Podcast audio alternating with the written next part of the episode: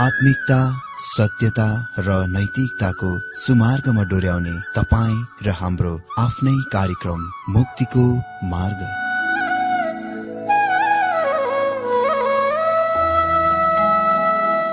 आदरणीय श्रोता यस मुक्तिको मार्ग कार्यक्रममा हार्दिक स्वागत छ। आशा छ यस आत्मिक कार्यक्रमद्वारा जीवनमा आत्मिक आशिष अलौकिक शान्ति र आनन्द प्राप्त गर्नुहुनेछ। र जीवनमा धन्य अनुभव गर्नुहुनेछ। आउनुहोस् श्रोता मन र आत्माको तयारीको लागि यो मिठो अनि मधुर भजन गीत सुनौ।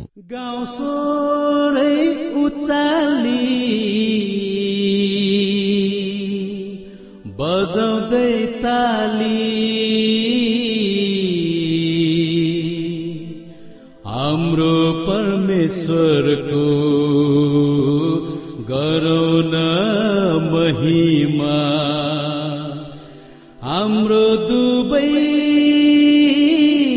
हातै उचाली।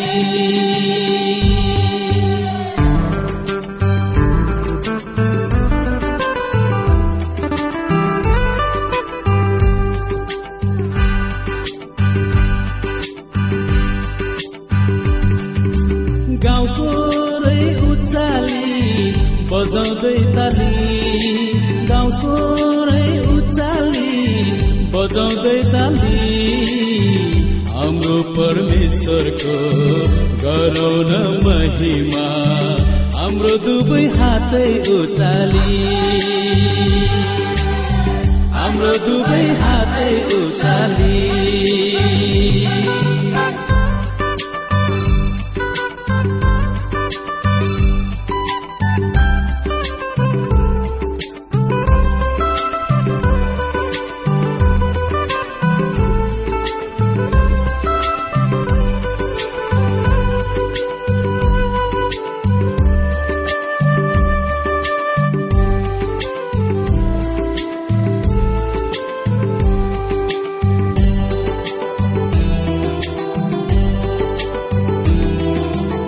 आत्मलो गर्दै नाच्दै रमाउँदै घन घन मादल घन्काउँदै।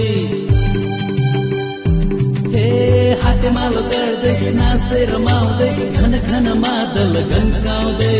तनले मनले प्रशंसा गर्दै उनको नाउँलाई उचाल्दै उनको नाउँलाई उचाल्दै। गाउँ सोरै उचाली बजाउँदै ताली गाउँ सोरै उचाली बजाउँदै ताली। हाम्रो परमेश्वरको गरौ न महिमा। हाम्रो दुवै हातै उचाली। हाम्रो दुवै हातै उचाली।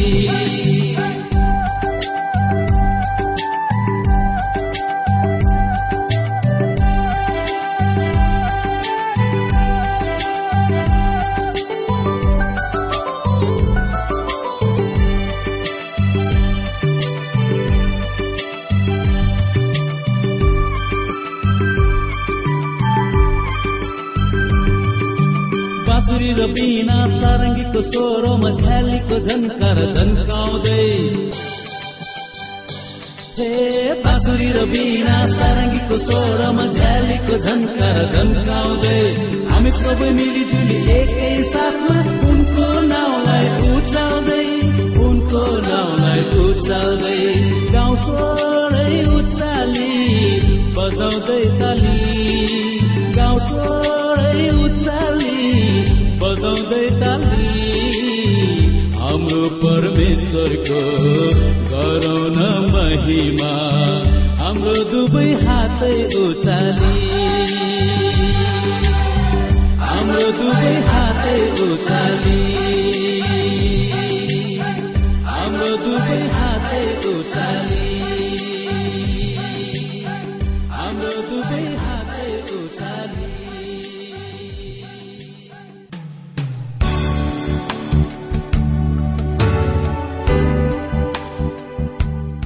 श्रोता यो प्रसारण मार्फत यो अवगत गराउन चाहन्छौ कि?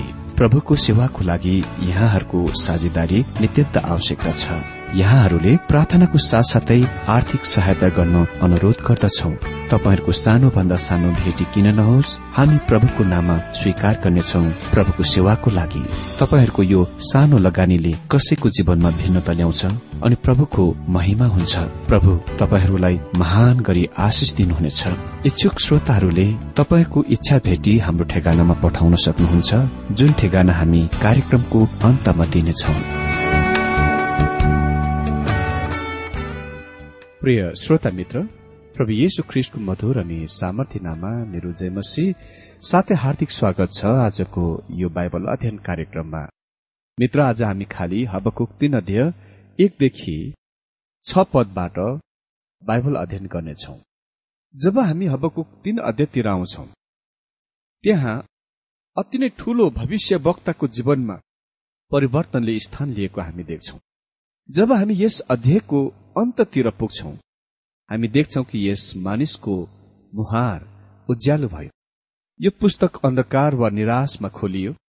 हबकुकको दिमागमा प्रश्न चिन्हहरू थिए र परमेश्वरलाई प्रश्न गरे तर अहिले उसले हर्ष वा विस्मयादिक बिन्दुसँग महिमामा यसको अन्त गर्दछ यो स्तुति प्रशंसाको नोटसहित अन्त हुन्छ। र तपाईँ यो पुस्तकको अन्तिम भागमा व्यक्त गरिएको दृढ विश्वास जस्तो कति पनि र कहिले पाउनुहुने छैन। हामी यस अध्यायलाई तीन निश्चित खण्डमा विभाजन गर्न सक्छौ। प्रथम दुई पदहरूमा हामीसँग भविष्य वक्ताको प्रार्थना छ। हामीसँग पद तीनदेखि सत्र पदमा परमेश्वरको कार्यक्रम योजना छ।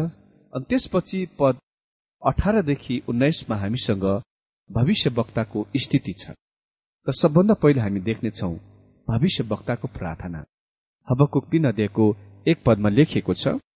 सिगी ओनोत रागमा हबको अगमवक्ताको प्रार्थना।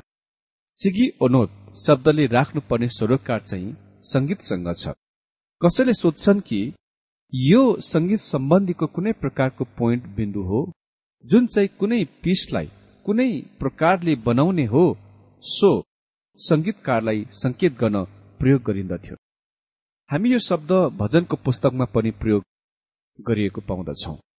तर भजनसँग सात अध्यायको शीर्षकमा एक वचन सिगाथोनमा प्रयोग गरिएको छ।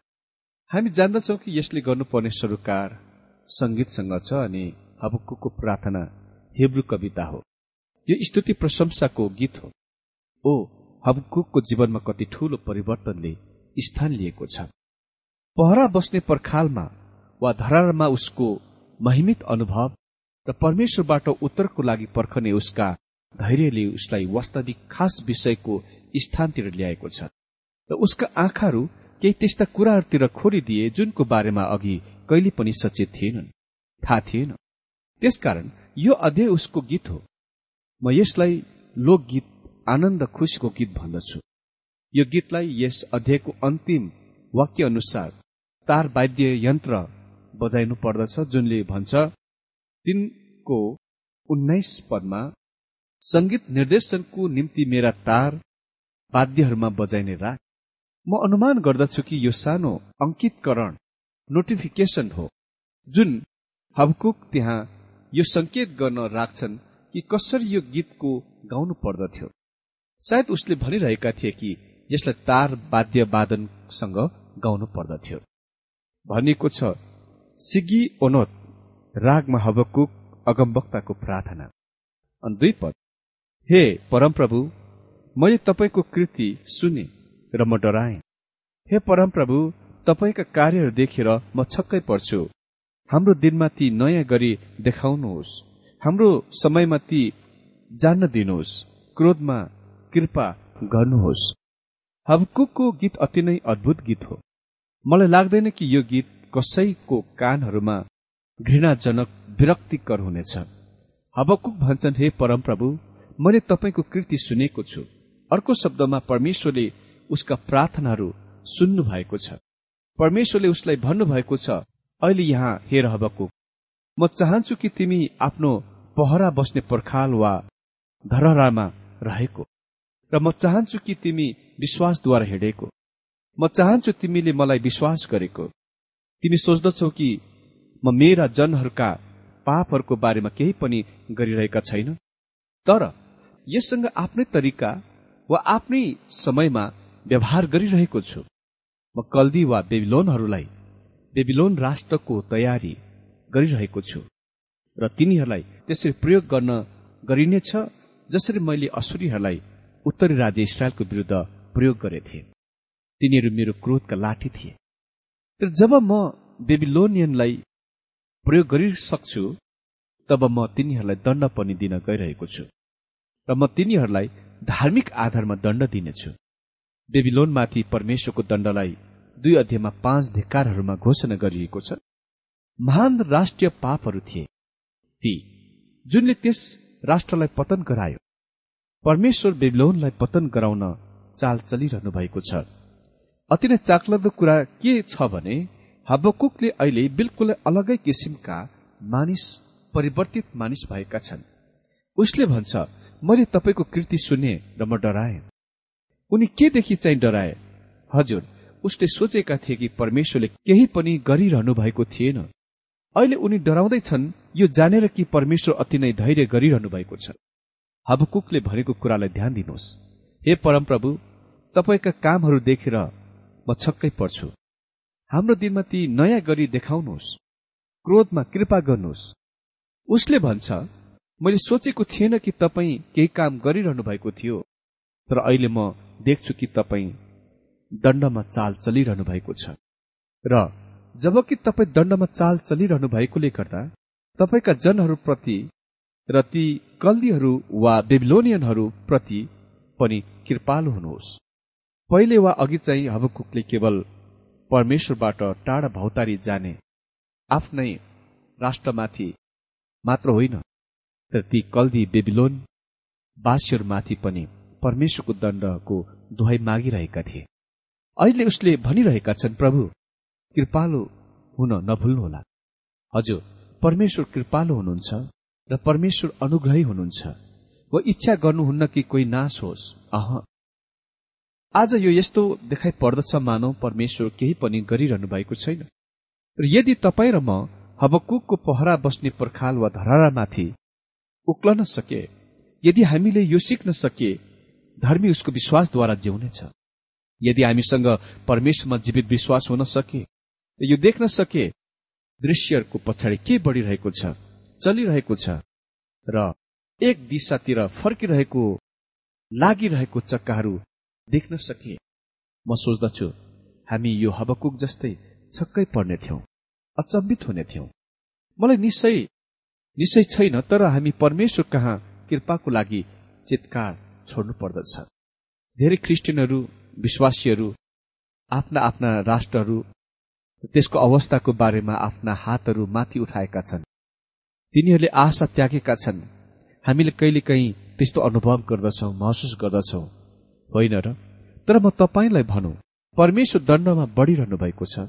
र कोही कोही उहाँका चितकार छोड्न र यो भन्न आवश्यक छ हे परमेश्वर क्रोधमा तपाईँ जुन तरिकामा दण्डमा बढ़िरहनु भएको छ हामी प्रति कृपालु बन्न नभुल्नुहोला।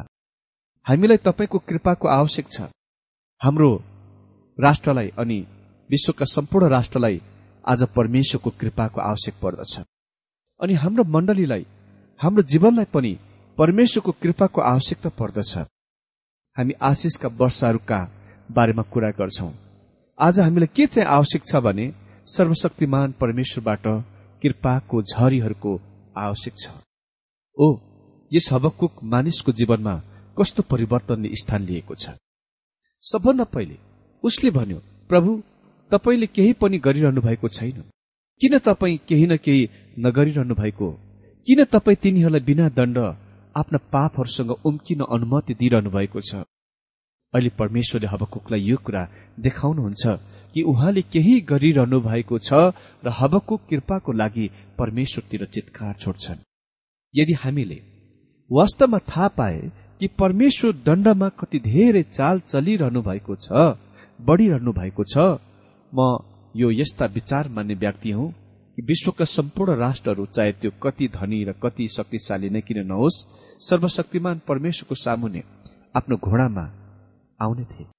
वा घोडा टेकेर प्रार्थना गर्ने थिए। मित्र हामी यस अद्भुत प्रार्थनालाई निरन्तर अगाडि देख्नेछौ। हबक्कुको प्रार्थना वास्तवमा परमेश्वरले इसरायलका मानिसहरूको भूतकालीन इतिहासमा के गर्नुभएको छ त्यस तथ्यको दृष्टिकोणमा उहाँ यसको फेरि भविष्यमा गर्न इरादा गर्नुहुन्छ। यो नै विचार यहाँ छ। उहाँले भूतकालमा गर्नुभएका महान कामहरूलाई निरन्तर गरिरहनु भएको वा गरिरहन सक्ने परमेश्वरको योग्यतामा आश्रित हुन सक्नुहुन्छ। पाओले यसको बारेमा हामीलाई विश्वासीहरूको रूपमा लेखे फिलापी फिलिपी एकको छपदमा मलाई यो दृढ निश्चय छ जसले तिमीहरूमा एउटा असल काम सुरु गर्नुभयो। उहाँले नै येशु ख्रिस्टको दिनमा त्यो पूरा गर्नुहुनेछ। मेरो मित्र के परमेश्वरले तपाईँमा असल काम सुरु गर्नुभएको छ। कि उहाँले यो वर्तमान क्षणसम्म ल्याउनु भएको हो? उहाँले नै ल्याउनु भएको होइन र? के उहाँले तपाईँमा असल काम सुरु गर्नुभएको छ? र तपाईँ निश्चय हुन सक्नुहुन्छ कि उहाँले यसको ख्रिस्टको दिन पूरा नहुन्जेलसम्म उहाँले तपाईँलाई यो पृथ्वीबाट स्वर्गीयमा उठाइ नलगिन्जेलसम्म र तपाईँ उहाँको समानतामा वा उहाँ जस्तै नहुन्जेलसम्म त्यो पूरा गर्नुहुनेछ। यो नै हाम्रो आत्मविश्वास हो। हाम्रो दृढ निश्चयता हो। यो नै हबकुकको यो भजनको महान आत्मविश्वास वा दृढ निश्चयता हो। त्यसपछि हामी निम्न पदहरूमा परमेश्वरका कार्यक्रम विषयबाट पनि अलिकति हेर्नेछौ अनि अर्को दिन हामी यस विषयलाई सक्नेछौ। यस खण्डमा म विश्वास गर्छु कि पृष्ठभूमिमा तीन मानिसहरू छन् तर तिनीहरूमध्ये कसैको पनि नामद्वारा उल्लेख गरिएको छैन। किनभने यो कुन मानिसले के गरेको छ सो कुराको बारेको भजन होइन। तर यो मानिसहरूद्वारा परमेश्वरले के गर्नुभएको छ सो कुराको बारेमा भजन हो। त्यसकारण यी मानिसहरूका नामद्वारा उल्लेख गरिएको छैन। धेरै बाइबल धर्म विद्वानहरू यहाँ खालि दुई मानिसहरू मात्र देख्छन्। तर म विश्वास गर्दछु हामीसँग पद तीनदेखि छमा अब्राम छ पद सातदेखि दस पदमा मोसा छ। र पद एघारदेखि पन्ध्रमा यहोसु छन्। फेरि त्यहाँ धेरै मानिसहरू छन् जो सोच्दछन् कि मोसालाई मात्र यहाँ पद तीनदेखि दस पदमा उल्लेख गरिएको छ। तीन अध्ययको तीन पदमा लेखिएको छ परमेश्वर तेमानबाट आउनुभयो। परम पवित्र पारान डाँडाबाट उहाँको महिमाले स्वर्ग ढाक्यो र पृथ्वी उहाँको प्रशंसाले भरियो। तेमान चाहिँ एदोममा छ र पारान चाहिँ सिनै पर्वतीय प्रायद्वीपमा निकटमा छ। धेरैले सोच्दछन् कि यो चाहिँ त्यो समयको संकेत हो जब इसरायलका सन्तानहरू मिश्रको मुलुकबाट निस्कि आए। तर तपाईँलाई याद होला अब्राहम त्यस समयमा भन्दा पनि पहिले मिश्रमा झरेथे।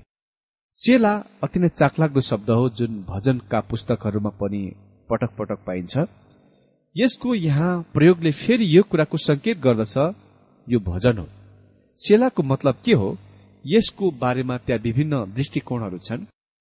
कोही कोही विश्वास गर्दछन् कि यसले संगीतमा श्वास लिने स्थानमा विरामको अंकित गर्दछ संकेत गर्दछ कसैले सोच्दछन् कि यसको मतलब हो यहाँ नै ड्रमहरू बाजा गाजा आउँदछ र संगीत उच्च स्वरको स्वरमा पुग्दछ। मित्र म कति पनि संगीतकार र संगीत सम्बन्धी ज्ञान भएको व्यक्ति होइन। मेरो निम्ति यसको अर्थ यो हो रोक हेर र सुन। तपाईँ कतिजनालाई रेल वा रोड क्रसिङहरूमा वा ठूला सहरहरूका सड़कहरूमा लाल बत्तीहरू देख्नु भएको होला जहाँ लेखिएको छ रोक हेर र सुन। म सोच्दछु कि यो नै सेलाको अर्थ हो। परमेश्वर भनिरहनु भएको छ अहिले बस र नोट गर। यसको सुन्नलाई निश्चय हो। यस बिन्दुमा गायक आफ्नो उच्च आवाजमा गाउँछ। ड्रमर ड्रम बजाउनेले ड्रमहरूलाई जोड जोडले बजाउँछ। सेला चाहिँ भनेको कुरामा ध्यान खिच्नु हो ध्यान आकर्षण गर्नु हो।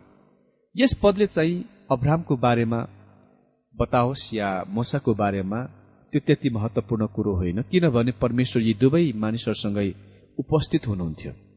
यहाँ हामीसँग परमेश्वरको महिमाको अद्भुत तस्विर छ।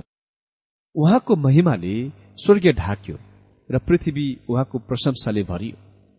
मित्र त्यसले अहिलेसम्म स्थान लिएको छैन तर जहाँसम्म अब्रामको सम्बन्धमा चाहिँ उसका हृदयमा स्तुति प्रशंसा थियो। अनि जब इसरायलका सन्तानहरू मिश्रबाट सप्रथममा निस्किआए कमसे कम तिनीहरू हृदयहरूमा स्तुति प्रशंसा थियो। अनि निश्चय नै त्यसपछि यात्राको बाँकी पूरा समयभरि तिनीहरू गनगन गर्ने शिकायत गर्नेवाला मानिसहरू बने भनिएको छ उहाँको महिमाले स्वर्गीय ढाक्यो। आज विश्वासीहरूको रूपमा हाम्रा परमेश्वरको महिमासँग हामी प्रभावित हुन आवश्यक छ। हाम्रा परमेश्वर कति धेरै ऐश्वर्य कति धेरै शक्तिशाली र कति धेरै अद्भुत परमेश्वर हुनुहुन्छ। चार पदमा लेखिएको छ उहाँको गौरव सूर्योदय झै थियो। उहाँको हातबाट किरणहरू